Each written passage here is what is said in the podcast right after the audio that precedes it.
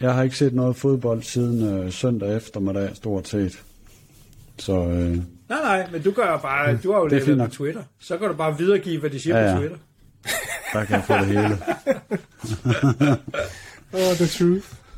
Okay, jamen, uh, 3, 2, 1. Velkommen til de tre senatorer, vi er tilbage. Uh, vi har en relativt kort udsendelse i dag, men til gengæld så har vi en masse fede ting, og vi skal snakke fodbold. Der er ikke noget specielt tema. Vi har ikke øh, regneark eller powerpoint eller andet, eller gæster. Det var os, og så en masse fodbold. Vi skal tale om, øh, hvordan er serie kommet i gang. Tale om det transfervindue, der lukker i dag. Jeg troede, det blev lukket i går, men det lukker altså i dag. Uh, vi skal tale uh, lidt om den weekend, der venter, med nogle fantastisk fede kampe. Og så skal vi tale lidt om den øh, midtuge, der venter med lidt øh, mindre optimistiske briller.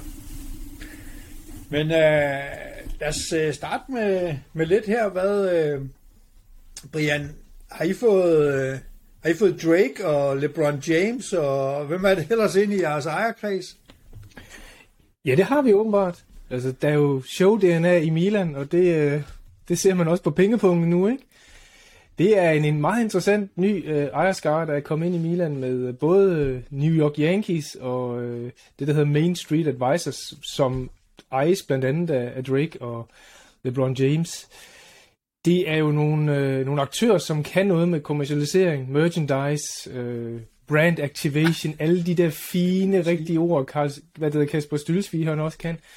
Men generelt, det det jo egentlig mener, det er jo at skabe flere penge. Det vil sige, at vi skal nok som fans, i hvert fald Milan-fans, forvente at få mange flere tilbud og produkter, man kan, man kan købe sig til på der, ikke? Jeg, jeg, er lidt- jeg er lidt selv begejstret for øh, New York Yankees at komme ind, og det er jeg egentlig, fordi jeg synes, det er et ret fascinerende brand, at man kan have så cool et brand, og så øh, have så mange, der går rundt med det der sådan meget let genkendelige logo, når man tænker på, hvor kedelig en sport det egentlig er. Så, øh, så tænker jeg, at det er ret imponerende, at de, øh, de egentlig har den der, den der brand recognition, og så mange, der går rundt med, med deres logoer på tøj og på caps og alt muligt andet. Uforagtet, at ingen rigtig gider se baseball, i hvert fald i Europa. Ja, det. Så Jeg de må tror, kunne der, noget. Ja, i Europa. Jeg tror, der er faktisk et par stykker i USA, der ser det, ikke? Det der avancerede rundt. USA er selvfølgelig, og, og Asien er jo selvfølgelig også større, Japan er jo selvfølgelig større på den der, men, Ja. generelt er det jo ikke, øh, det er jo ikke en kioskbasker i Europa på den måde. Men de har været vanvittigt gode til at få deres øh, brand ud, og få deres merchandise sat på bind. Så, så der er helt sikkert noget kompetence at, øh, at gå videre med der.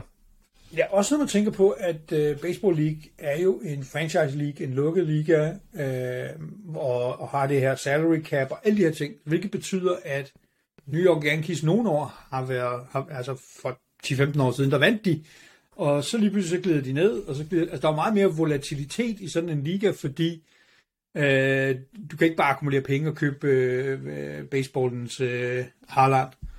Øh, så, så, så derfor så er det jo meget, altså det, det er jo for mig at se nok det mest, altså Red Sox, og så kan jeg ikke huske flere af, af sådan nogle baseballhold, vel? Og, øh, Nej. Ja, Så- så jeg tænker, det er netop fordi, at Milan også gerne vil have mere fodfæste i, i USA, komme langt mere ind på, på det marked der. Og det er jo via de her livsstilsprodukter, og der kan jeg ikke lige se, at man kan få ret meget bedre partner end, end, end, end Hvem Yankees. er Og, de? Fordi det, det, er jo, det er jo Redbird, som vi kender. Så er det, mm-hmm. øh, så er det Yankees, øh, eller Steinbrenner-familien, som jeg kun kender fra Seinfeld, men det er jo også underholdende nok. Øh, og så er det det her tredje investeringsselskab, sådan et kendisinvesteringsselskab. Ved du noget om de der kendis? Kommer de med andet end penge og kendisglimmer, øh, glimmer, eller ved vi noget om dem? jeg tror, at i første omgang kommer de med penge, men jeg tænker da, at de skal aktiveres på en eller anden måde, så du ser måske en LeBron James gå rundt i en uh, Milan-trøje på et tidspunkt. Drake måske optræde med en Milan-kasket. Uh, jeg tænker da, at der er et eller andet cross-branding, er det ikke det, der hedder? Sådan noget, uh, hvor man aktiverer hinandens brand på den måde. Ligesom Milan har jo et samarbejde med Rock Nation, med JC og det. Det tænker jeg bare, det udvider de jo mere for at få mere med kendskab og gøre, gøre tøjet mere cool til at gå på, på gaden og det. Sådan at du jo, som Styls vil have sagt, at du jo har brand recognition 365 dage om året, og ikke kun om søndagen. Mm-hmm. Det lyder rigtig, rigtig godt og smart. Jeg håber på, at det skaber en masse penge til det. Ja, Men ja, det, det er det jo man tanken i det, og hvis, hvis det er det, man tænker, så tænker jeg jo, at det er de rigtige aktører, man øh, allierer sig med. Og det er jo også det, Redbird kan se på det. Det er, hvad er det egentlig, der skal til for at lige tage et skridt længere op, hvis vi gerne vil øge de her kommercielle indtægter. Champions Ja. League er jo Champions League, stadion er jo stadion. Hvordan kan vi hæve sponsorering? Hvordan kan vi hæve øh, kommercielle aftaler og merchandise på det? Og det er jo der, de prøver at udvikle nu. Så må I håbe, at jeres, øh, jeres kokettering med det amerikanske publikum er gået bedre end Inders kokettering med det kinesiske. Hvordan går det dog i, Ja. øh, i Kinaland, øh, Thomas? Er, er pengepunkten åbnet? Jeg har set rygter om, om frække køb her i dag. Jamen, øh, nogle Så er gange må slukket for sit kamera nu.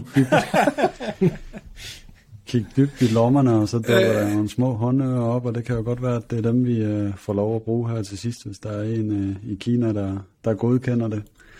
Men nej, altså ind og siden 22. maj, så er alle spillere vel efterhånden blevet solgt, og så er det kun øh, Perisic, vi måtte øh, give afkald på, og resten ser ud til at ser ud til at blive, men ligesom dig, Ulrik, så jeg troede også, at det var i går, at det der vindue, det faktisk lukkede sig omkring midnat, øh, da jeg kom en tur hjem fra Holland og åbnede min telefon øh, klokken 12 og så, at øh, Skrinja han øh, blev, så sad jeg og jublede, og så fandt jeg ud af, at det lukkede først her i aften, det vindue, så øh, jeg tror alligevel, jeg tror alligevel, skodderen de er lukket, og ham øh, Skrinja, han ikke får lov til at tage en tur til øh, Paris, selvom øh, ham Al-Khelaifi, han står og råber og skriger derovre i... Øh, I har jo ellers fået franske. øh, den nye, øh, den nye skrinjer i øh, Acherbi. Ja.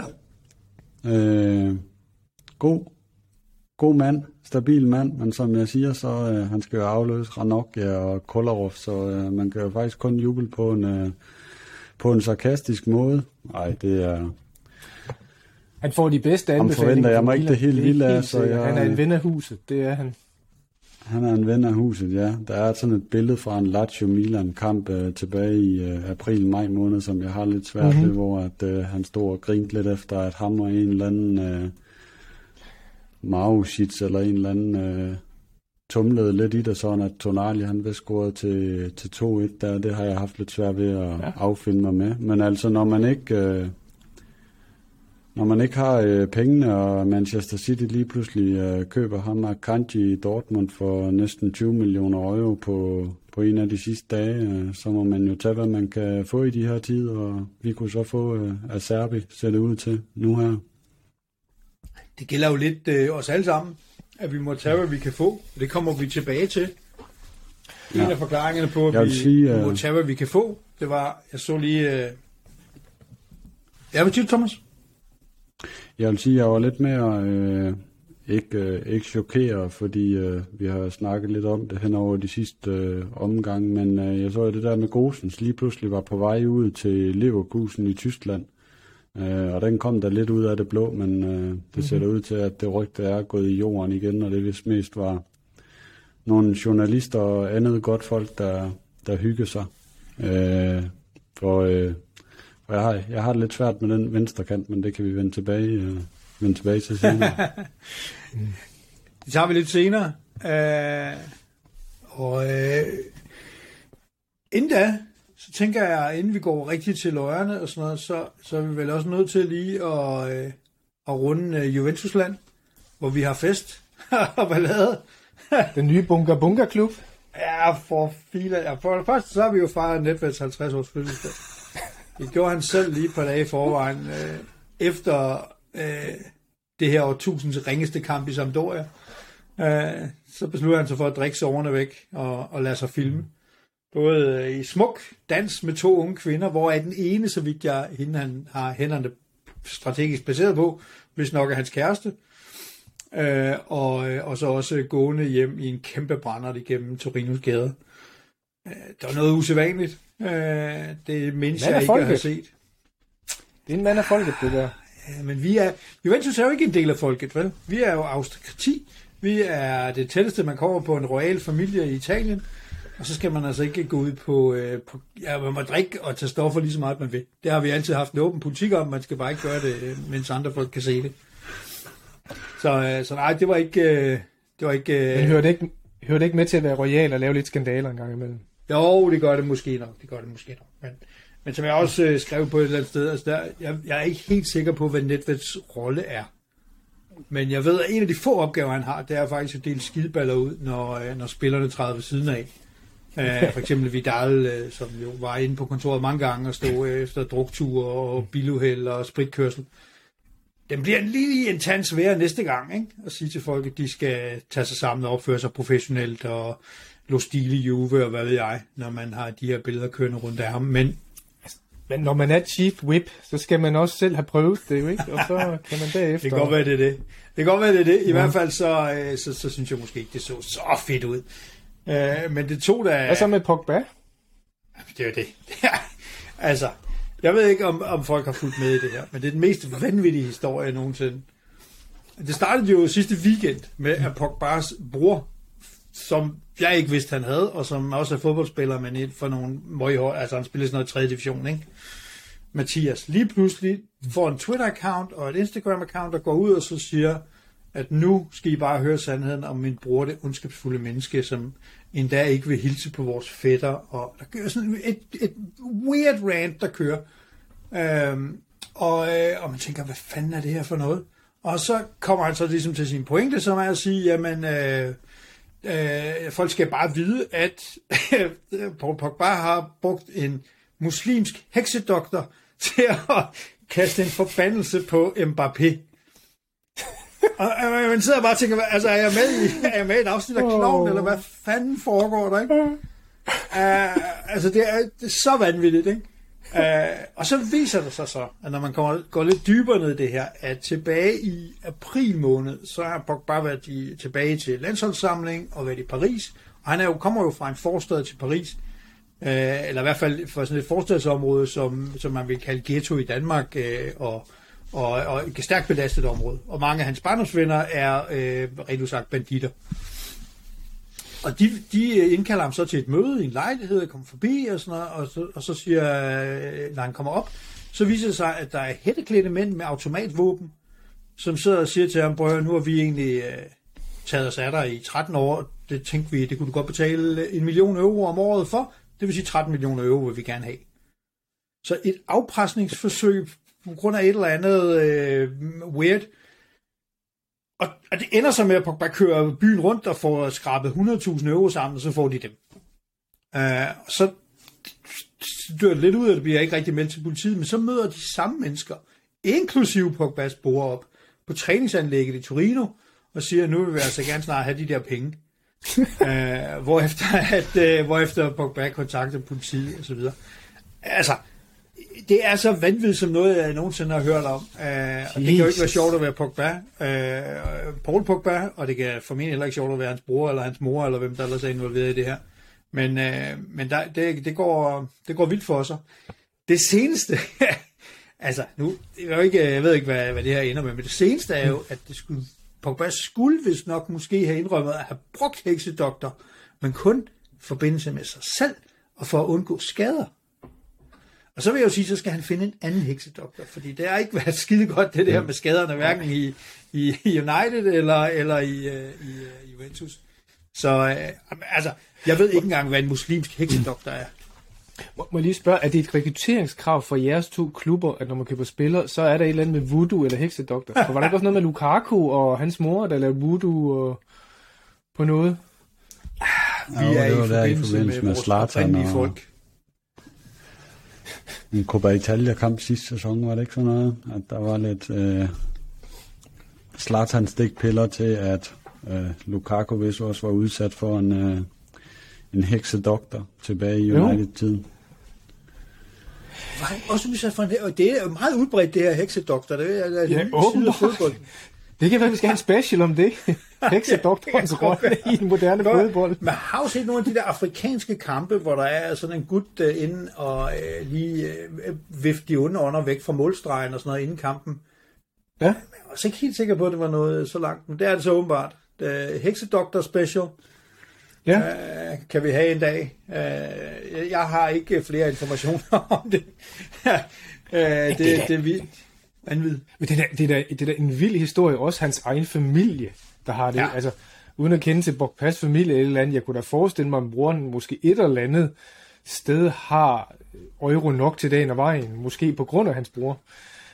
Men ja, men jeg tror gerne, han vil have flere. Jeg tror gerne, han vil have flere, og så er der et helt sådan team rundt om øh, det der barndomsvenner, øh, venner, som gerne vil... Altså, der var en af de der barndomsvenner, der boede hos ham i, øh, i England, mm. og, og så var kommet til lige at nappe 200.000 euro, det er altså halvanden million, fra hans, øh, fra hans konto.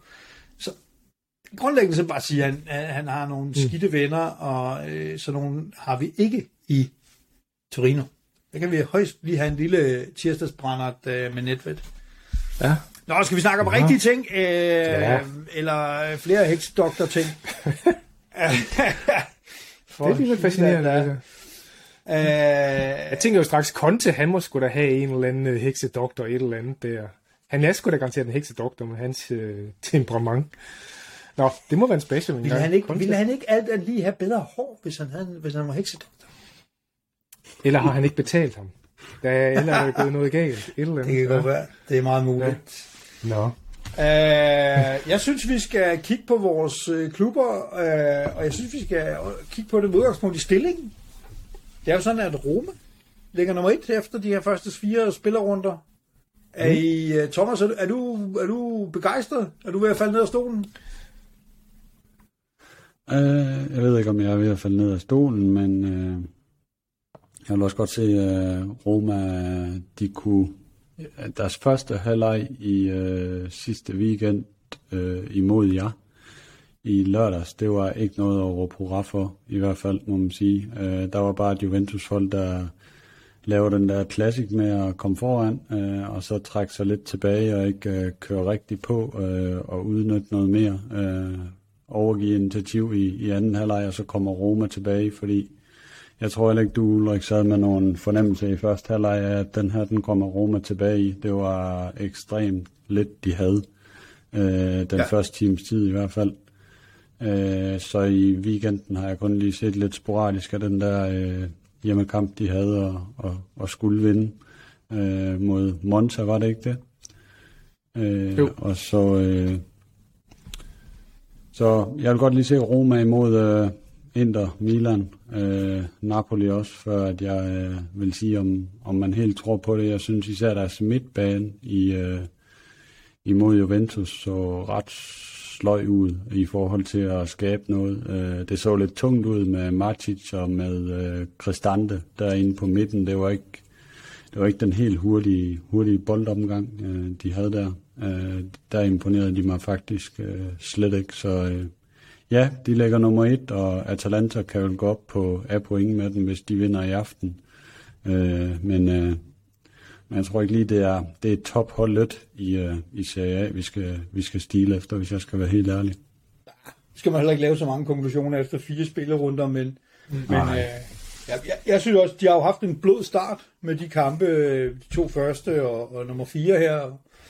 Øh, og jeg mener faktisk, at de var fuldstændig domineret i, 60-65 minutter i, i Torino, og så, ja, så går Juventus lidt kold og, og får aldrig lavet det, eller de får lavet det andet mål, men ikke, men ikke et godkendt mål, og, og så, så skal der en, altså så er de jo gode nok, de Bala og Abraham og, og den slags typer til, at hvis de lige får en halv chance, så bliver den puttet ind. Uh, så nej, jeg, jeg, synes, jeg, jeg synes ikke, jeg ligner at se et mesterhold, men, men der er et stærkt forbedret hold, og, og når øh, Saniolo og Wijnaldum kommer, kommer retur for skader, så, så ser det også lidt bedre ud. Øhm. Hvad med Napoli? De ligger ja, nummer 3. Jeg, ser...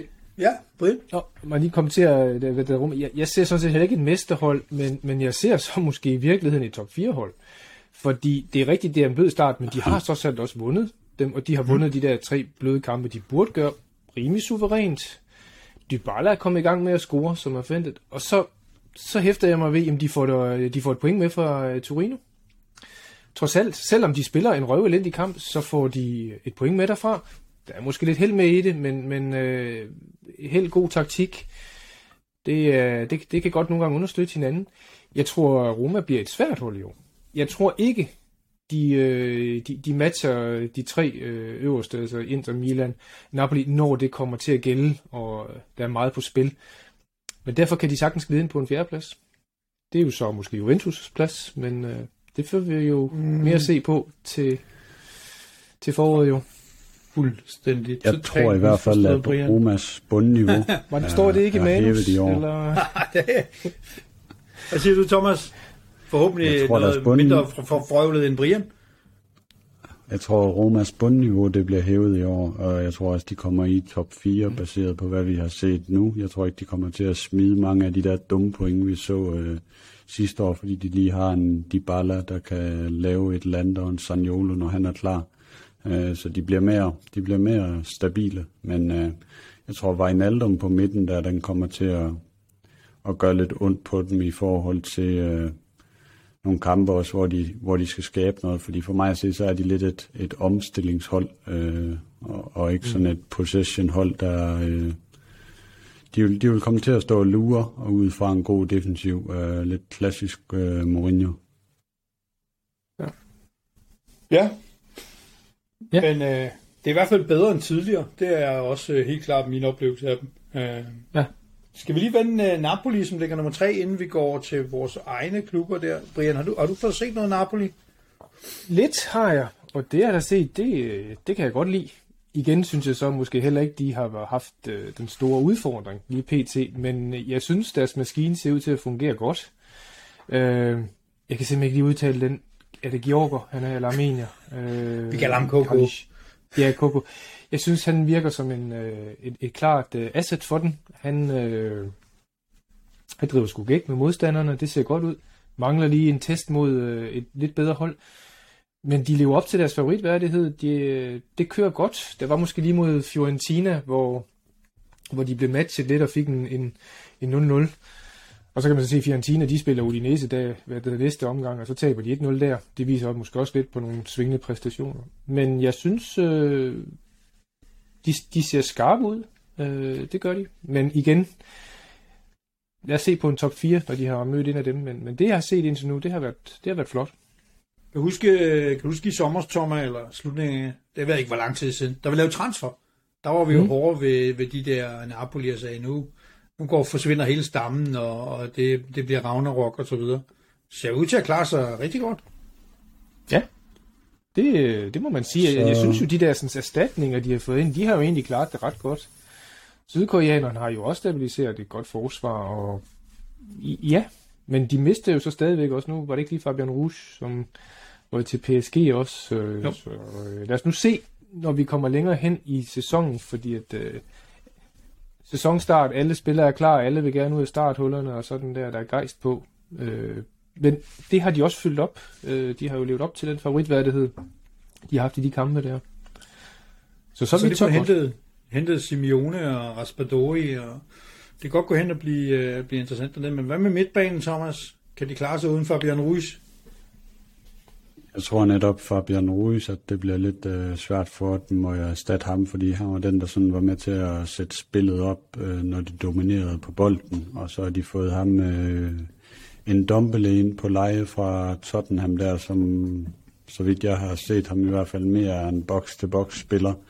Så jeg tror, deres øh, opsætning af spillet bliver lidt hæmmet, eller det er jeg i hvert fald spændt på at se, øh, især imod de, de gode hold, om de kan dominere, eller vil dominere spol, spillet så meget, som, som de plejer. Nu satte de også lige point til her i midtugen, var det ikke hjemme mod Lecce, hvor de kun fik øh, 1-1. Og jeg tror lidt, Napoli kommer til at skille nogle hold af og score 4 og 5 mål, og det der, man, man sidder bare altid og, og ved lidt, at de rammer også lige 1-1 hjemme mod Lecce. Så når man lige tror, at de har et momentum der, så, så ryger der to dumme point hister her. Så øh, jeg tror ikke, øh, jeg tror, de ligger omkring de der 3-4-5 stykker. Det er de placeringer, de kommer til at spille om. Jeg er lidt spændt på, øh, de får lidt mere ind på bredden på Giovanni Simeone, øh, som øh, substitut for, øh, hvad hedder han nu, Simhan. Og så har de også en Raspadori, som kan ligge og enten erstatte øh, Kvaratskhelia, Brian, tror jeg det er, han Ja. Uh, og så uh, og ellers var sådan en form for hængende angriber, hvis ikke de spiller med uh, med ham her, uh, Polakken Zielinski, uh, på den der fremskudte position på, på midtbanen. men jeg, jeg vil rigtig gerne se Napolis uh, forsvar på udebane mod, uh, mod de bedre hold, fordi jeg er ikke, jeg er ikke super overvist om, at ham der uh, sydkoreaneren og, uh, og Ramani der, det er, det er nok øh, på den lange bane. Se. Men, jeg, ved, jeg, jeg, jeg må sige, i forhold til, hvor der er vores dommedagssnak i, øh, i, tilbage i starten af august, så, så, det, så synes jeg, de øh, for det første har fået fyldt rigtig godt op, og, og de har også fået ja. kommet godt i gang. Jeg mener, de kommer til at mangle Fabian Ruiz øh, i løbet af... Altså, mm. så skal være Zelinski, der måske skal blive sådan en ny øh, med spilstyrer, eller, eller den spilstyrer er et forkert ord, men den der, den, der slår den der øh, sidste eller næst sidste aflevering, ikke? Som mm. Fabian Ruiz var, var forrygende til er forrygende til. Ja. Men nu kan det jo, det kan jo være, at de køber Ronaldo, eller ikke køber ham, men får ham gratis sendt øh, ned fra England. Øh, der er også øh, fra en klub deroppe, der bare betaler fuld løn, og bare gratis giver en spiller væk, hvis det er, man øh, hopper på øh, transferrygt og tror på alt. Så, ja, øh, det er simpelthen det vildeste rygte omkring det der. Det, det er i hvert fald ikke en revisor, der har stillet det rygte op der, det er helt sikkert. Nej, der er ikke Men, rigtig noget, der er ikke nogen upside for United i det der. Skal det være, fordi han er sådan et eller andet så giftig i omklædningsrummet, at de gerne vil betale ja. 50 millioner euro for, at han ikke skal være der og sådan noget. Ikke? Altså, jeg tror, at de, de fleste har vel sagt, at han bliver der nu, ikke? Øh, og hæver sine penge og er en super sub eller et eller andet. Han kan blive altså, brand, brand ambassador, kan han. Ja, yeah, lige præcis, ikke? Ja. Nå, det var nummer 1 og nummer 3. Mm. Øh, hvad med nummer 5, Brian? Milan? Ja, altså jeg, jeg, jeg ser to trends lige nu. Den ene, øh, hvis vi skal starte med Milan først, det er, jeg ser, at Milan som spiller for 60, 70, 80 procent. Altså det, det er helt tydeligt. Det, øh, de har fokus på øh, mange kampe på kort tid i september og inde på det. Og øh, det ser jeg, altså Bologna-kampen for eksempel, hvor de vandt meget overlegen 2-0, synes jeg jo nærmest virkede som en sommerkamp, øh, hvor de lidt gjorde, hvad de ville, men gav heller ikke meget mere. Atalanta og Sassuolo var en helt anden karakter, hvor de fik, synes jeg, ret kraftig defensiv modstand, men, men ville heller ikke rigtig øh, forcere det mere end, end... De gik selvfølgelig efter sejren, jeg tror også gerne, de ville have haft de tre point, men jeg tror helt sikkert, de havde fokus på udskiftninger og, og rotation. Og øh, jeg synes også, man ser en Leao være underligt lidt ukoncentreret i den her tid. Øh, han taber mange bolde, sløser lidt mere, end, end han gjorde i sidste sæson. Og det tror jeg, det er med fokus på, at der kommer rigtig mange kampe, vi skal, vi skal op i gear på det. Så øh, jeg er egentlig ikke utilfreds med, øh, med pointhøsten indtil videre. Jeg synes, øh, Mila har domineret de fire kampe, burde have vundet over Sassuolo, hvis de havde haft mere fokus på det. Atalanta, det blev lige så svært, som jeg regnede med. Det, det, det, det kan sgu blive fuld eller fisk i Bergamo. De to andre kampe styrte de fuldstændig. Så øh, indtil videre ud af, af starten, ingen, ja, nu bliver så Florenzi skadet, jeg skulle sige ingen skader, men øh, der kom så en god erstatning ind i stedet for ham. Så, så egentlig okay efter vilkårene som sådan. Det var den ene trend. Den anden trend, det er, og det er sådan et oplæg til jer også, som vi måske kan diskutere. Jeg synes, jeg ser øh, nogle af holdene, spille mere klassisk italiensk, øh, som tidligere har spillet ret offensivt, og det er Atalanta og Sassuolo. Og jeg kan endnu ikke helt øh, finde ud af, om det er fordi, de har mødt Milan, og derfor stiller sig ned og er tilfreds med et point på hjemmebane, derfor laver en defensiv udgangspunkt, eller de simpelthen har en lang, de har simpelthen taget taktikken længere tilbage, og nu, nu har vi en, en benhård defensiv, og så scorer vi på en omstilling. Begge hold spillede jo sidste år ret offensivt, ret angrebsivrigt. Det gør de i hvert fald ikke mod Milan nu. Og det bliver jo spændende at se, hvordan de angriber det mod jeres hold. Fordi Thomas øh, har jo blandt andet været inden for på, at, at øh, uh, italienerne har jo ikke glemt at forsvare. Øh, de har jo ikke rigtig øh, kæmpet sig til de her sådan, øh, 1-0, 2-0 sejre ved udgangspunktet i en stærk defensiv. Der kunne jeg måske komme med en lille påstand nu, som vi kan tage op løbet af, af den her sæson og sige, jeg tror, at Atalanta og Sassuolo måske er gået tilbage til gamle italienske dyder. Men øh, lad os se videre på den. Jeg tror, jeg tror jeg tror virkelig måske, det handler om lidt noget andet end, end, øh, end et aktivt valg. Jeg tror, det handler om, at hvis man øh, har mellemkvalitetsspillere, og man skal have et system, der er så afhængigt af, at alle kender hinandens rolle, og alle ved, hvor man er hen, og alle presser på samme tid, og alle øh, har de samme, kender hinandens løbemønster og alt det der. jamen så kan du ikke lige pludselig som Sassuolo miste øh, stort set hele stammen af dit hold. øh, og, og Atalanta har også, altså er jo i gang med at prøve at køre nogle spillere ind i stedet for, nu sagde de øh, endeligt og desværre farvel til Ilicic, og så er den der Papagomis Ilicic periode færdig. Og så skal de se, om de kan noget andet, og de har også mistet øh, Remo Frøjler, og der, der er nogle ja. rigtig centrale spillere i den måde, som de spillede på, som ikke længere er der. Og øh, så skal nogle nye folk lære det, og det tager noget tid. Og så er det klart, mm. så, så kommer man til at se, se lidt mere defensivt ud. Men vi må da det, se. Det tænker jeg også helt klart er en stor del af årsagen til det, men jeg synes bare, at resultatet var lidt overraskende på, at de i hvert fald Atalanta stod så langt tilbage på banen ja. øh, på det. Men øh, ja, det var altid spændende med sådan nye taktiske. Ja, ja, ja, ja men så kan man også det, jeg er ikke sikker på, at man gider at gå så højt, når, når, når I snyder og spiller med Leao, ikke? Så, øh, så vil jeg også øh, ja, trække eller, mig lidt tilbage. eller Theo Hernandez, som øh, altid lige kommer igennem midtbanen der, tager lige 40 meter. Smadrer igennem det hele. Vi har, ja. vi, har, vi har egentlig lidt travlt i dag i forhold til vores, mm. øh, til vores øh, mange ting, vi skal nå, så jeg tænker, at vi lige mm. hopper over til, til, til Thomas og høre, hvordan det går i Interland. Øh, det er jo... Øh, I er jo kommet meget godt i gang, eller hvad? Smil en kamp i, øh, i Olymp- på Olympico. Og lige en Olympico der, men det var som at se uh, Lazio ind der uh, sidste sæson. Uh, også samme resultat. Det ender med, at der stod uh, 1-1 omkring den der team, og så uh, tænkte man ligesom sidste sæson, at Inter kørte den her hjem, og så havde de efter udligningen af Lautaro den her chance ved Dumfries, som han, uh, han brænder kort tid efter, og så uh, synes jeg mere eller mindre, det er en sakke, der er ude for bænken også taber den kamp der lidt, og ikke udnytter det momentum, man har, så får lavet nogle øh, indskiftninger. Lige pludselig hiver han øh, Dumfries ud, øh, hiver Lukaku ud også, øh, og lige pludselig skaber vi ikke øh, noget som helst, og så øh, ved man bare en kontra, hvor at øh, Albert, øh, Luis Alberto, han hakker den ind fra 20-25 meter, øh, så selv en god keeper som Handanovic ikke kunne tage den. Øh, så, en øh, atletisk keeper. Så ja. en atletisk keeper, der springer efter alt. Øh, så, øh, så tager man bare den der kamp 3 og så sad man sådan bagefter og tænkte, øh, hvor, hvor kom det lige fra? Fordi øh, det var ikke den fornemmelse, jeg sad med efter en time, at Lazio bare styrede det der, men de spillede rigtig godt den sidste øh, halv time, og alle sammen de snakker om sejeball og alt det der, men jeg synes, det var, øh, det var en Saki, der havde en, øh, en lidt sløj kamp. Øh, jeg synes generelt, at har nogle øh, bærende spillere, der ikke ser ud til at være i den rette form. Skrinja er en af dem. Øh, Brozovic synes jeg faktisk også er en af dem. Har ikke helt ramt formen, og især hans returløb halter lidt.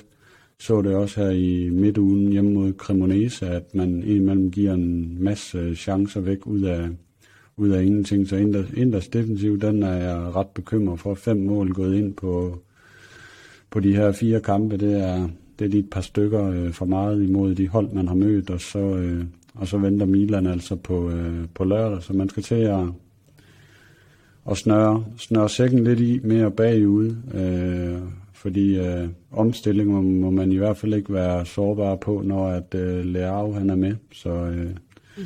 Så havde vi Lukaku, der jo brændt ned her i weekenden med en skade og er ude i en, øh, 5-6 kampe. Han kommer måske først tilbage efter landsholdspausen i september, så jeg ved ikke... Øh, eller så er det noget heksedoktor-magi ned fra Afrika, vi skal have gang i, før han kommer tilbage. Det er kraftigt med typisk øh, altid at pege over på Torino, ikke? Det er vores heksedoktor. Ja, ja. Kan du ikke, øh, jeg håber, kan du lige give et øh, telefonnummer, Ulrik? Jeg håber, vi kører, jeg håber, vi kører Lautaro og Korea øh, mod Milan, og at vi får Korea lidt i gang. Nu scorede han mod Cremonese, og scorede også i den, øh, var det i den øh, anden kamp hjemme mod Spezia, han også scorede. Øh, så jeg håber på de to lille argentiner, der de kan gøre et eller andet. Det var også dem, der spillede sammen, øh, da man slog Milan 3 i de Coppa Italia der i, i foråret. Så øh, Tjekko har jeg ikke de store forhåbninger til i år med, hvad jeg har set indtil, indtil videre. Men øh, offensiven er god ind, og kommer til at lave mange mål, men den der defensiv, den øh, er, er lidt bekymrende. Det, det er egentlig også sådan, jeg ser Inter, at jeg synes jo, at Lukaku ikke er med, synes jeg ikke øh, nødvendigvis svækker Inter lige pt. Men jeg synes specielt det tredje mål mod Lazio, der så forsvaret, Inters forsvar godt nok øh, skidt ud, hvor de fuldstændig fejlplacerer sig, om det virkede nærmest som om, de havde lidt givet op i den kamp der, og øh, det synes jeg ikke rigtig her et, et, et forsvar, et forsvar på en stor klub der, så det, forsvaret er, for Inter er, er, klar til at snakke med, men øh, offensiven, den er stadigvæk giftig. Næsten målet øh, til 3-1 øh, minder utrolig meget om målet til 1-1, man indkvarterer mod Lecce, hvor man så alligevel øh, vandt, men på alt for, alt for flade konvolutter og tunge ben bag, øh, mm. der bare står og afventer og giver alt for mange øh, chancer væk. Ja.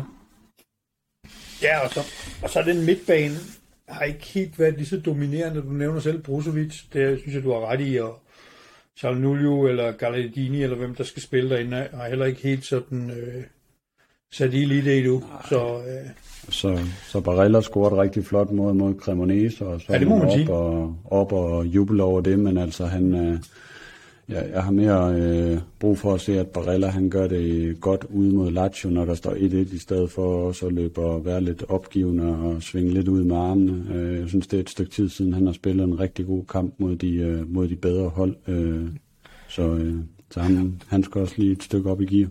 Og Thomas, hvad var så værst?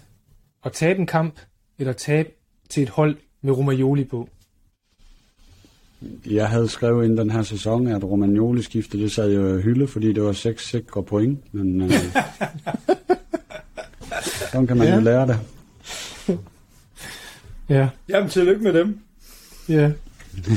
tak. Nu venter, nu venter Milan jo i weekenden. Ah, vi venter, vi venter med, vi lige se om ikke vi kan nå øh, lidt roundup til sidst med at, at kigge fremad. Det venter vi med. Jeg tror ikke, det kommer sådan nogen overraskelse. Ja. Og Juventus? Ja. Hvad synes, hvad synes du om dem? Uh, sidste år, der, der sagde jeg jo, at Juventus de var nemmere at score imod og, og, og svære at holde af. Uh, nu er de blevet svære at score imod og uh, meget svære at se på. Men altså, uh, det er en godkendt uh, start, de første fire kampe. Hvis I husker tilbage på sidste år, der uh, havde vi jo allerede smidt 10 point på nuværende tidspunkt. Uh, og det er meget, meget tydeligt, at uh, det er ikke den start, man gerne vil have. Uh, der mangler nogle spillere, og det er så meget safety first. Altså det er hele konceptet hos, uh, hos Allegri lige for tiden.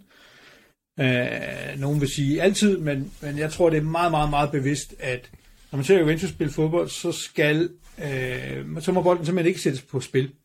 Afleveringerne er langsomme, og de er til den sikre afleveringsstation hver eneste gang, og så hælder øh, trillen rundt indtil man kan et eller andet. Og det er stort set kun kanterne, og så op med tæt på modstanderens øh, målfelt, at man må sætte bolden på spil. Det er frygtelig kedeligt at se på, øh, men, øh, men lige nu så er der kun lavet et mål mod os, og det var øh, Abraham, der øh, udnyttede lidt øh, tumult, men ellers så er der jo ikke nogen, der har lavet mål, og det tror jeg er det, det hele handler om for Juventus, at få stabiliseret, få sørget for, at man øh, får bygget noget selvtillid øh, ind i det hold, øh, og så skal vi selvfølgelig have integreret nogle nye spillere, og så må man langsomt øh, også begynde at sætte bolden lidt mere på spil. Men det er, øh, altså selv for en hardcore Juventus-fan som mig, så er det sgu lidt en prøvelse at se. For eksempel øh, den kamp, der var i, i går, som man vinder 2-0, og, øh, og Vlaovic laver jo igen et fremragende frisparksmål, øh, og, øh, og Milik får den lukket til sidst. Men det indimellem de to mål, så var det den ondte lyn med en, øh, en hård omgang selv for en Juventus-tilhænger, og jeg tænker, der er ikke mange andre end, end hardcore Juventus-folk, der har, øh, der har stået den igennem og set det hele. Øh, så, øh, så er det godt, der er 8 millioner af dem jo. Hvorfor i Italien? 8? Vi er mange flere. Uh, men, men, uh, men, men det, når det er sagt, så sidste år, så spillede vi dårligt og tabte og smed dumme point. Uh, vi har selvfølgelig også smidt dumme point. Sampdoria uh, kommer uh, selvfølgelig til, til overfladen med det samme, at man, at man ikke, simpelthen ikke uh, magtede at lave det ene mål mod, mod et frygteligt Sampdoria-hold. Uh, og så mister man også to point mod, mod Roma, som man, som man burde have lukket, så, så øh, lidt mere held i sprøjten, lidt bedre spillere, så, så kunne vi godt have stået her med 12 point i stedet for 8 point. Øh, men jeg er faktisk øh, meget optimistisk omkring, hvordan sæsonen kommer til at gå. Ikke på underholdningsværdien. Sorry, det må nogle andre levere. Mm. Men, men jeg tror, øh, det her hold bliver svært at score imod. Det her hold kommer til at skrabe mange point sammen, og de bliver langsomt bedre. Øh, når Paredes kommer ind og spiller fodbold, når Pogba kommer til at spille fodbold på et tidspunkt, når Chiesa kommer til at spille fodbold, så bliver det her et hold med mange forskellige våben om at lave de der en eller to mål, som, øh, som, som vi skal have for at lukke kampene. Øh, og jeg, det kan jeg jo lige så godt sige officielt, jeg sagde jo, hvem bliver mester i år? Det gør Juventus. Det har jeg sagt alle årene. det er ikke nogen overraskelse for nogen. Men, øh, men jeg mener det faktisk. Jeg, tro, jeg tror meget på, at det her hold øh, kommer til at slutte i toppen. Øh, jeg synes, øh, jeg synes Milan ligner ikke, hvad Milan var. Øh, og øh, øh, det kan godt være, at man kommer tilbage til det. Men der, jeg tror, det var sådan lidt en, en sæson, hvor man, hvor man brændte det hele af. Jeg synes også, Inter ser ud til at have lidt udfordringer af forskellige arter, og mangler måske lidt frisk blod. Øh, så tror jeg ikke på, at Roma eller Napoli kan stå hele distancen. Og så er der et hold tilbage, som en lille tøf, tøf, tøf, tøf, tøf igennem det hele. Øh, så, øh, så nu har jeg lagt røven på kogepladen, men jeg har jo taget fejl så mange gange før. Så, øh, det er Juventus Classic. Det er Juventus Classic. Nej, ja. Jeg synes sgu, det er Juventus i en endnu mere kedelig udgave, end jeg er vant til at se. Altså, jeg kan ikke huske, at vi nogensinde har spillet så safe, som det foregår lige nu. Det var meget sjovt, at Allegri blev interviewet. Vi vandt jo den første kamp mod Sassuolo 3-0. Og der sagde han, at det var den kamp, hvor vi lavede allerflest fejl. Og det var den kamp, hvor vi tog allerflest chancer. Uha, det går ikke sådan noget der. øh, det, nogle gange det, så skal man jo sætte bolden på spil for at skabe nogle åbninger, som gør, at man kan lave mål. Øh, den præmis gider Allegri altså ikke lige nu. Det går være, han fandme et stærkt citat. Et endnu kedeligere Juventus. ja. Ja, ja. Det, det, det. Men øh, vi ved godt, Jamen. det her, det er, altså, hvis du skal have underholdning, så må du øh, gå i cirkus ja. eller se pornofilm. Hvis du skal have fodbold, det handler om point. Ikke? det er hårdt så, arbejde. Øh, sådan er det. Men du, du, øh, men du rejser en interessant pointe, fordi men den det kan jo ikke bare lige skyde ned, som at sige, det er jo en eller anden heksedoktor, der har forhekset dig der i, i Torino, vel? At du har hængt lidt ud sammen med Pogba-familien. Fordi at der er jo rigtig mange bud i år på det, også fordi, at der er mange kampe på det. Altså, jeg tror, der både ja, vores hold og så andre satser jo også måske på at gøre det bedre i Champions League, og det, det så vi bare sidste år. Det fik en konsekvens for Inter specielt, at, at de kom videre med det, hvor det var en stor fordel for Milan at ryge ud ret hurtigt og kunne så øh, egentlig koncentrere sig mere på det. det. Det tror jeg har haft en del på det. Jeg ser, at Milan laver en omprioritering i år, hvor de gerne vil købe to heste. Det kan være, det går godt. Det kan også være, at de siger, at du får to gange ryge hurtigt ud. Det kan være, at jeres to hold, eller det kan være, at Roma måske lige pludselig får slået et hul med 8 point. Det, det er jo ikke urealistisk scenarie, det kan måske være svært at indhente på et tidspunkt, når det nu er to gode hold, der står godt defensivt og bare øh, lukker altid, eller hvad det altid får et point med sig lige meget hvad for noget. Men det er en spændende ja, det bliver, det bliver interessant at se. Altså, der, er, der er ikke nogen tvivl om, at det er meget mere åbent, end det har været længe, heldigvis. Ikke? Ja. Øh, og, og, øh, og, og der er også mange forskellige bud på, hvordan man skal vinde. Ja. Øh, Milans øh, meget mere kontrollerende, øh, Inter, som er tæt på, øh, så har vi Mourinho Allegri, som godt vil, øh, vil vinde mesterskabet på en 1-0 sejr, ikke? Øh, så, og, så, og så Napoli, som, som enten øh, vinder 5-2 eller taber øh, 4-7. Øh, så, så, så, så der er virkelig mange øh, interessante øh, bud på det, og, og så er der Atalanta, men altså, jeg, jeg tror bare ikke på dem i længden. Sorry to say. Nej. Ikke engang uden Europa. Mm. Thomas, du? Jamen, jeg tror også, øh, Altså fortællingen om Serie A i år, det bliver nok øh, enten så vinder dem, der har den øh, bedste defensiv og laver de her rope rope 1-0, som Allegri er mester i, eller så bliver det et sprudlende hold, der vinder. Øh, men jeg tror lige i øjeblikket, at øh, Milan og Juventus er, er de sværeste hold lige pt. at øh, skabe chancer imod, ud fra hvad vi har set indtil videre. Jeg synes, det er dem, der giver mindst væk. Øh, så er spørgsmålet bare om... Øh, om sådan et hold som Juventus får så meget selvtillid af at vinde nogle kampe og lukke af bagud, at det er ligesom det momentum, man får der, og god stemning, der er med til at få øh, spillet også til at køre hen ad vejen, når der kommer en Paredes, og, øh, og en Pogba kommer tilbage, en Kisa kommer tilbage øh, derefter, så kan spillet jo godt blive mere underholdende, måske. Øh, vi ved, hvem Allegri er. Men Eller jeg tror, det er den, det er laver den vi måde, to mål i stedet for tror- et mål.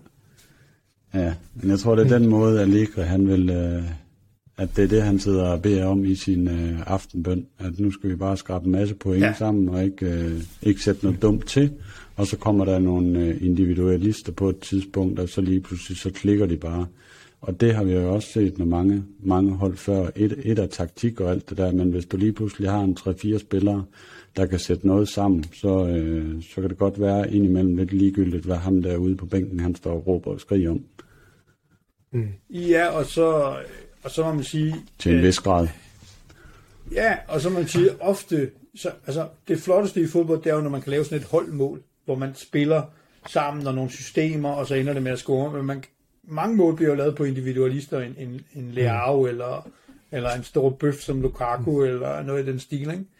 Øh, og Juventus begynder at have nogle af de der individualister, øh, Di Maria, øh, så har vi set, øh, at hvis Quadrado han kan fumle sig til et frispark på kanten af feltet, så, så har vi også en, der hiver den ind øh, hver eneste gang. Øh, det er Det er også en ny der-.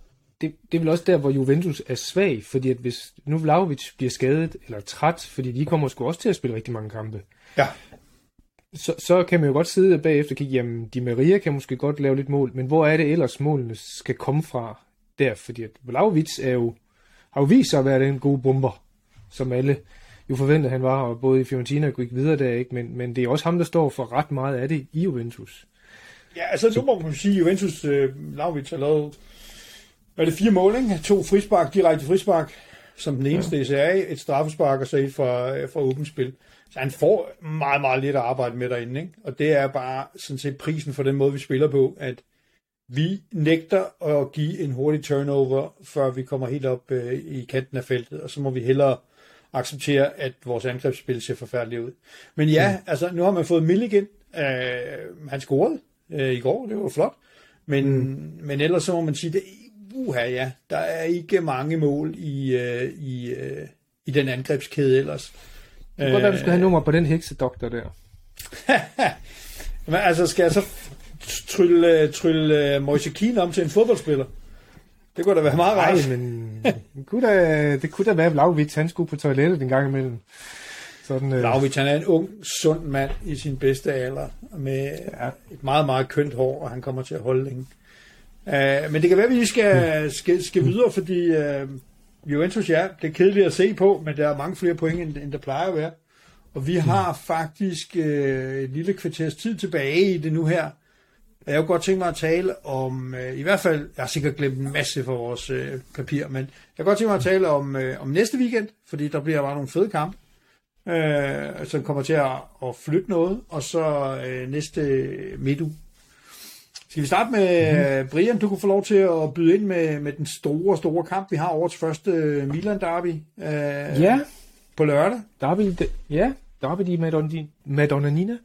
Jamen, det er jo altid en speciel kamp. Det er jo altid højdepunkterne i Serie A. Øh, jeg tror desværre nok, at øh, den største underholdning nok kommer til at ske uden for, for banen, altså på tilskuerpladserne, for jeg tror, at det bliver de der fantastiske koreografier og tifoer, som begge kurver, de laver, der måske bliver det flotte. Jeg har sådan en, en underlig fornemmelse af, at begge hold er fint tilfreds med et uafgjort lige nu, fordi de ved, at deres kampprogram er meget stort, og de vil frem for ikke tabe lige nu. Så, så jeg kunne forestille mig, at de går ud fra at i hvert fald have det okay med, på et tidspunkt med, øh, med, øh, ja, med en uafgjort. Jeg tror da stadigvæk, de vil prøve at få nogle mål ind på den, men, men øh, jeg tror, at strategien er fint med et point derfra. Håber på, kan øh, Milan, på, på, Milan på officiel hjemmebane, og øh, med krammet på Inter sidste år i den der kamp, som jo reelt afgjorde meget. Øh, jo, Tipper lidt, tror til også, Milans side? Jo, jeg tror også, de første 20-25 minutter vil vi, øh, vil vi se et pres for etterholdene. Det kan også være en Saki, han prøver, nu går jeg også ud og overrumpler fuldstændig Milan. Det tror jeg, at øh, der vil komme noget der. Så jeg tror, der vil øh, komme et eller andet form for overfaldstaktik i starten for etterholdene, og måske klasse de fuldstændig. Men jeg tror, når kampen sådan begynder at udvikle sig henad, så tror jeg, det finder et leje, der hedder, jamen, øh, uafgjort ingen skade, det er faktisk også et succeskriterie i sig selv. Det er lidt en kedelig øh, påstand, men jeg synes, jeg har set det før, og øh, det vil nok være mit bud på den kamp. Jeg ved ikke med dig, Thomas. Nå, Thomas. Ingen, ingen Lukaku, men vinder I alligevel? Det er første gang, Brian han har sagt noget, hvor jeg tænker, har han kopieret mit manuskript, eller hvad? Fordi han uh, snakker om den kamp, som, uh, som det jeg selv vil sige. Jeg tror, det bliver mere henholdende derby, end hvad vi har set tidligere. Uh, jeg kan også godt stikke til Brian og sige, at Milan vil altid gerne snakke om, at det er dem, der er de sprudlende og de sjove at se på. Men det er væk mange år siden, jeg har set Milan komme ud i et derby og tage initiativ fra starten af. Det har været Inter i de sidste mange år, mange ja. gange og så er de gået kolde til sidst. Jeg tror, øh, Inzaghi bliver lidt mere bange for starten i år, øh, og jeg tror, vi får en langt mere taktisk øh, Derby de la Madonnina, end hvad vi har set før, og jeg tror, det bliver sangen om, at dem, der scorer det første mål, vinder, så det bliver 1-0 til, øh, til et af holdene, og jeg tror, øh, jeg tror en, der vinder 1-0. På et øh, langskudsmål af Gosens.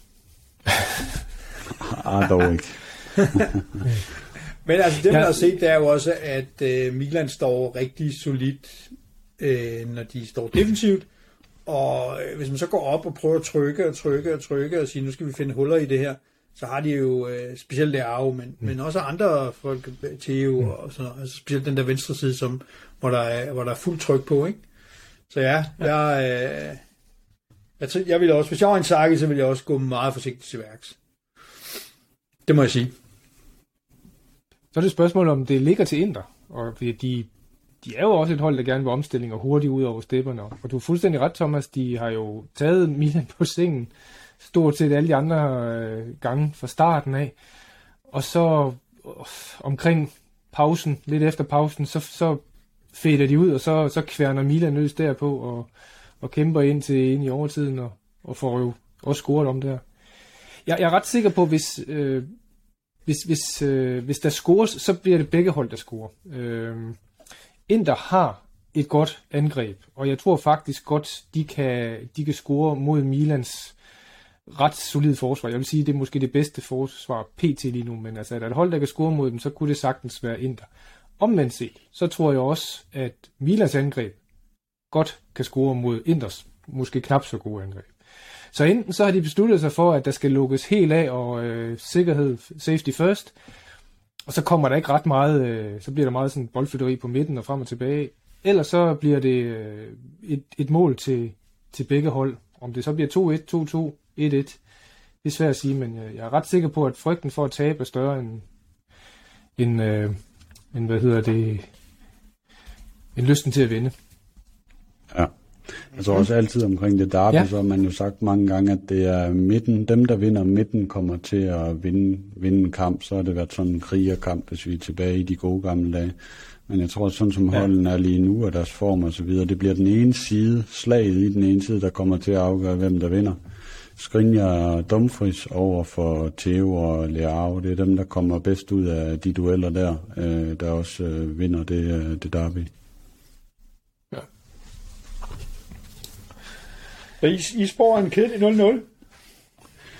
Øh, ja, altså på banen, ja. Altså, det bliver jo altid et spektakel og drama ude på tilskuerpladserne. Altså, det... Det samme kan jeg, jeg matche. Det. Bare, det vinder bare med at blive en 0-1 i, øh, i Fiorentina. Juventus vinder 1-0. Øh, masser af drama udenfor, masser af had og alle de der ting, men øh, jeg tror på, at vi kører videre med den samme ting. Jeg, jeg, ser, jeg ser ikke noget for Fiorentina, der gør mig voldsomt bekymret. Uh, jeg tror godt, uh, men, jeg, men jeg tror, det bliver den samme type igen. Altså Juventus kommer til at spille langsomt, forsigtigt, forsigtigt, forsigtigt, forsigtigt, og så skal en Di Maria, en Vlaovic lave et eller andet, ikke? Det er vel de to eneste, der har noget sig, efter Quadrado officielt er død. Ja. Så, uh, så det bliver... Det bliver nok uh, også igen mere interessant uden for banen, og uh, med alt det had, der er. Ja. Altså, jeg, jeg, troede, øh, jeg troede, Fiorentina havde lidt mere posen, da de spillede 0-0 mod Napoli. Det synes jeg faktisk var en okay præstation, men at de så går ud og taber 1-0 i, i Udine, ah, det viser jo bare, at, at der er langt for top og bund i, i den klub der, ikke? Og et, et hold, som bare kører midt i medio, ikke? Altså som, øh, som Juventus jo gør lige nu, så tror jeg også, det er dem, der, der kværner en kedelig sejr hjemme. Ja. Jeg tror, ja, altså, jeg, jeg tror at jeg, det er lidt en farlig... Det, ja, hvad siger du, Thomas? Jeg tror, det er en farlig kamp for Juventus lige nu faktisk, fordi jeg tror, at Fiorentina har noget, de skal ud og overbevise. De, den eneste kamp, de har vundet, det er den her 3-2 hjemme mod Cremonese efter det der gigantiske Rado-show. Og, og så har man altså øh, spillet 0-0 mod Empoli, og øh, nu taber man i Udinese, og så en uafgjort mod Napoli. Øh, så de har helt klart noget, de skal ud og have, have bevist, og jeg tror, de kommer til at komme med... Øh, 100 i timen og vil tage den bold der, og så bliver det ren af øh, omstilling, og Juventus kommer til at leve på. Ja, ja. hey, det er sikkert et fint kampbillede. Jeg tror bare sikkert, ikke, Fiorentina kommer til at score, og jeg tror, vi kommer til at score. Uh, men det kan godt være, at de ja. kommer løbende som sådan nogle unge løver, ikke? og så lunder vi ned den anden ende og, og lægger den ind i kassen. Uh, så, uh, det er set før. Det er set før, og det kan også godt ja. være, at det går anderledes. Men det, det tror jeg lidt. Hvad siger I til ja. den uh, tredje kæmpe kamp, vi har lørdag? Den, den der slutter lørdagen, det er så uh, Lazio mod Napoli uh, i Rom. Hvad siger du til den, Thomas? Tør du spor om den? Øh, hvis vi siger uh, et, max to mål i milano dabbet så tror jeg, at vi kommer uh, på fem mål eller over i sådan en kamp der. Uh, ja. Jeg tror, det bliver et, uh, et mål, uh, målorke, vi kommer til at se. Jeg kan ikke lige huske de hold mod hinanden, men det plejer vist også at være sådan noget med 5-2 og 4-2 og, og noget i den duer der. Det bliver ud over stepperne, og, og begge hold vil gerne have bolden, så jeg tror, det bliver en ren gang uh, indianerfodbold uh, langt hen ad vejen. Ja, og så, altså ja. Lazio, nu ved jeg godt, at de har fået Romagnoli og, og alt sådan noget, men, men det er stadigvæk for mig at se ikke noget specielt godt fodbold, øh, forsvar, det er Patrick øh, Romagnoli og så videre, øh, så så jeg tror på, at Napoli kommer til at score, men, men jeg tror også, at Napoli kommer til at indimellem at miste sergeanten derinde fuldstændig, og så kan vi jo se, at han kan jo lægge dem lige, hvor det passer ham. Uh, selv, uh, selv med uh, den store strateg Gagliardini, der til at dække ham op, så, uh, så gjorde han jo, hvor det passer. uh, så ja. så det, det, det kunne godt uh, ende 3-3, den der, ikke?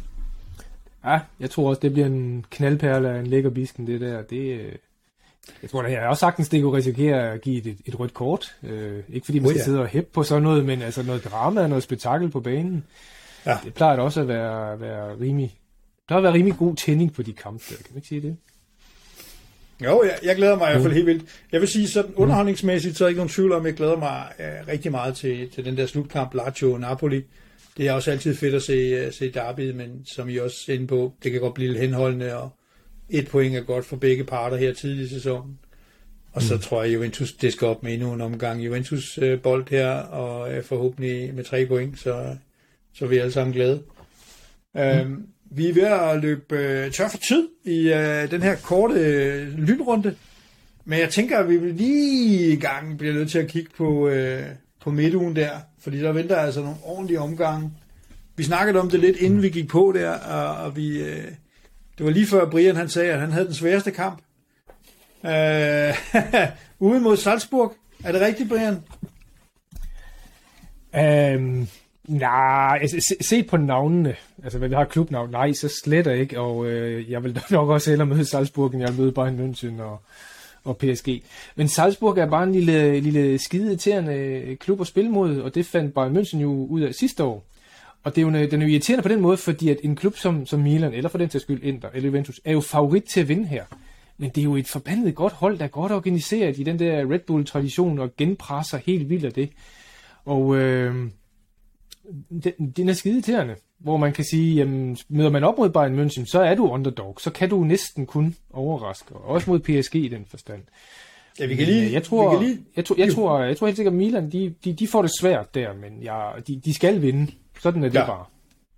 Vi kan lige hurtigt rise op de der fire øh, Champions League-kampe, hvor der er, hvor der er italiensk deltagelse. Napoli mm. tager imod Liverpool hjemme. Uh, ja. det, er også, det er også... Nu har de jo fået Arthur, boldkunstneren, så uh, ja. nu har Napoli uh, officielt ingen chance.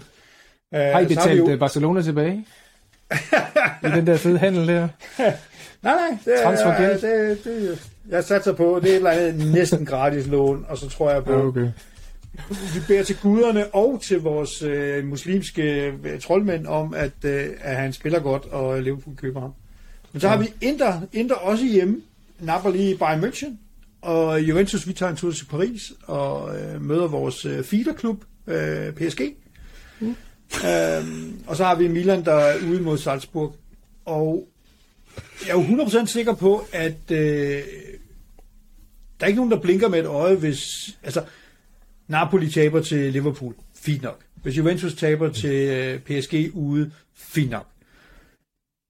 Så der er mere pres på jer to, øh, og det er lidt forskellige art. Altså med øh, Salzburg, jamen Milan, som du selv siger, skal vinde, mm. eller mm. i hvert fald formentlig have et point. Og det er bare, det burde være forbudt, det der fodbold, som de spiller Salzburg. Altså, det der crazy overfaldsfodbold med folk, der presser over hele banen og sådan noget.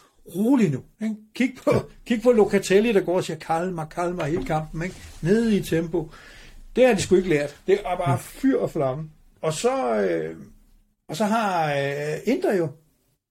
Skal vi sige, at jeg har fået sådan en mellemsvær gruppe, Thomas? Dødens gruppe, den er vi vant til at tage. Det kan ikke rigtig smide så, de der hjemmebanes øh, kampe, vel? Nej. Nej, jeg siger, de Han er, andre gange, vi er gået ud af feed, der er døden. en helt frosset. Men det er han også ved mig. Ja. Det, jeg tror simpelthen, han er ikke kommet sig over sjov ved det. Nej. På den melding der. Men de, øh, de, som vi talte om tidligere der, øh, som Thomas nævnte, så, så Inter skal have point, og gerne vinde, eller meget gerne have point på de her hjemmebanekampe, både mod, mod Bayern og Barcelona. Ikke? Øh, og så, øh, og så Men- selvfølgelig vinde mod de fjerde hold, som jeg kan huske, hvad Øh, Victoria Det er Pilsen. Victoria Nå, ja. Pilsen. Men jeg tror faktisk, altså, selvom den gruppe er skidesvær, det er den, så, så tror jeg faktisk lidt på, at Inter har en chance, for jeg tror faktisk godt, de kan, jeg tror godt, de kan vinde over Bar- Barcelona. Og så skal de selvfølgelig vi- vinde de nemme kampe over Victoria Pilsen også. Jeg, jeg tror, de taber to gange til, øh, til Bayern, men hvis de så øh, vinder hjemme over øh, Barcelona og får et uafgjort ude, det, øh, og så vinder de to andre kampe mod Pilsen, så, så tror jeg, det ligger lunt. Jamen, det kan sagtens også gøre, altså, og, og Inter har vi også jo set Inter gøre det rigtig godt i, øh, i Champions League sidste år, og spille de der gode kampe mod Liverpool og så videre. Men det er fandme godt nok, uh, den er lidt nasty, den der med at Barcelona, der er kommet godt i gang i La Liga, og har stjerneparade, og så Ja. det store ultimative øh, diesellokomotiv nede i Bayern, ikke? Jo. Altså, Den er hård. Bayern er jeg, er jeg klart mere bange for. Bayern vil jeg jo sige er favorit til Champions League i år. Også fordi de, de har bare ikke noget, der hedder en bremsepedal. Og det er jo, når du går fra der, så kan du jo have fået ørerne så gevaldigt i maskinen 5-0, og den er sat med svært at komme sig fra, når du bliver fuldstændig udspillet øh, på sådan et hold. De kan også sagtens tabe til Barcelona, men det tror jeg vil blive en tæt kamp, hvor de føler, den kunne vi fandme godt have knappet, den der. Den, den tager vi næste gang så på det. Ja. Så øh, altså Barcelona er der gode, bestemt, men det er jo ikke Barcelona som for tre år siden. Der. Og så tror jeg ikke, Barcelona PT helt er vant til at spille mod så kontant et forsvar som, som Inter. Hvis de kan lade være med at lave de der sådan, så personlige fejl og fuck-ups, som de har lavet lidt af nu. Den er også, det kommer også, okay, nu er det så Bayern først, ikke? men det, det kan godt være, at det, det er Barcelona-kampen, at de skal hente flere point og så videre. Det, det bliver i hvert fald en, en vild gruppe, den der med Inter og Bayern ja. og Barcelona, og så øh, stakkels øh, Victoria Pilsen der. Ikke? Juventus skal til PSG, og jeg må sige, jeg kunne ikke være mere tilfreds med at starte ude mod PSG. Øh, det er en kamp, man ikke regner med at vinde. Øh, PSG er ikke helt oppe i det gear endnu, som de skal være. De selvfølgelig et godt hold, og vi ved alle sammen, hvad de har op foran. Øh, men det er, ikke sådan, det er ikke en kæmpe maskine, der kører endnu. Så jeg kunne godt se Juventus måske, hvis på en rigtig, rigtig heldig dag, øh, hente et point. Øh, Mm. der. Og hvis man taber, it doesn't matter. Fordi det er, den, Nej. det er en kamp, der er solgt. Ikke? Og så har vi, øh, øh, hvad hedder det, øh, øh, hvad er de andre, vi har? Skal vi lige tænke mig om her. Øh, der har vi Shakhtar. Nå, det kan vi vende tilbage til. Det er også lige meget. Men, øh, men i hvert fald så synes jeg, at Juventus ser ud til at have sådan et udmærket program, hvor man så spiller hjemme mod de næstbedste af vores konkurrenter, og så har man to kampe i træk øh, mod de her Haifa. Øh, jeg kan ikke finde den der kamp, øh, men det er, er i hvert fald Maccabi. Jo, Benfica. Det er det. Er det ikke Vi har Benfica? Benfica hjemme ja. næste gang, og så har vi Haifa to gange. Så hvis vi er lidt heldige, så kan man godt komme forbi de første fire kampe med 9 point. Og så ser ja. det rigtig fint ud. Og så er der ikke... Det er ikke øh, urealistisk. Nej, altså det, Altså, Ja. Benfica er også et hold, der, der spiller blændende offensivt, men, men igen heller ikke et hold, der har måske mødt et rigtig godt organiseret forsvar, der bare mester det der med at lukke af, og så sige, at det er helt fint, at vi kører herfra med et point i budbanen, og så skal vi nok uh, score på, på omstilling. Det er jo et, uh, det er også et hold, der har fokus fremad og ikke bagud. Så uh, det Ja, ja, gør præcis. lidt godt til Juventus jo. De kommer til at lægge fint til os, og, og, og, og jeg har jo spået så mange gange før, at Juventus kommer relativt sikkert igennem, formentlig på andenpladsen, måske på førstepladsen, fordi PSG er sådan lidt ups and downs, ikke? og kan vinde 7-0 mm. og så spille uafgjort og sådan noget. Men, øh, men så slutter Champions League-eventyret også der. Når man Ja. når til første knockout-runde. Det har det jo gjort de sidste 3-4 år i træk, det er jo forfærdeligt, men sådan er det. Ja. Vi er ikke bedre lige nu. Vi må bygge noget større. Vi har en hård bagkant, Brian, Øh, og den er vi faktisk yes. nødt til. Ulrik, Øh, yes. Vi har også mistet Thomas, da vi begyndte at snakke om hans Champions League-gruppe, så så, øh, så over øh, internettet hos ham. Det var simpelthen, der var overbelastning der. det var det. Men øh, rigtig godt, øh, godt øh, derby i weekend. Jo Jeg så. glæder mig til at se kampen. Og øh, vi snakkes ved om, øh, ja, to-tre ugers tid. Men øh, Det gør tak vi. for den gang. Lige måde. Du har lyttet til de tre senatorer, og tak for det. Vi bliver kun bedre, hvis I fortæller os hvordan. Ris, ros og forslag er meget velkomne. Du kan finde de tre senatorer på både Twitter og Facebook, eller du kan skrive en mail på de tre senatorer gmail.com. Vi høres ved.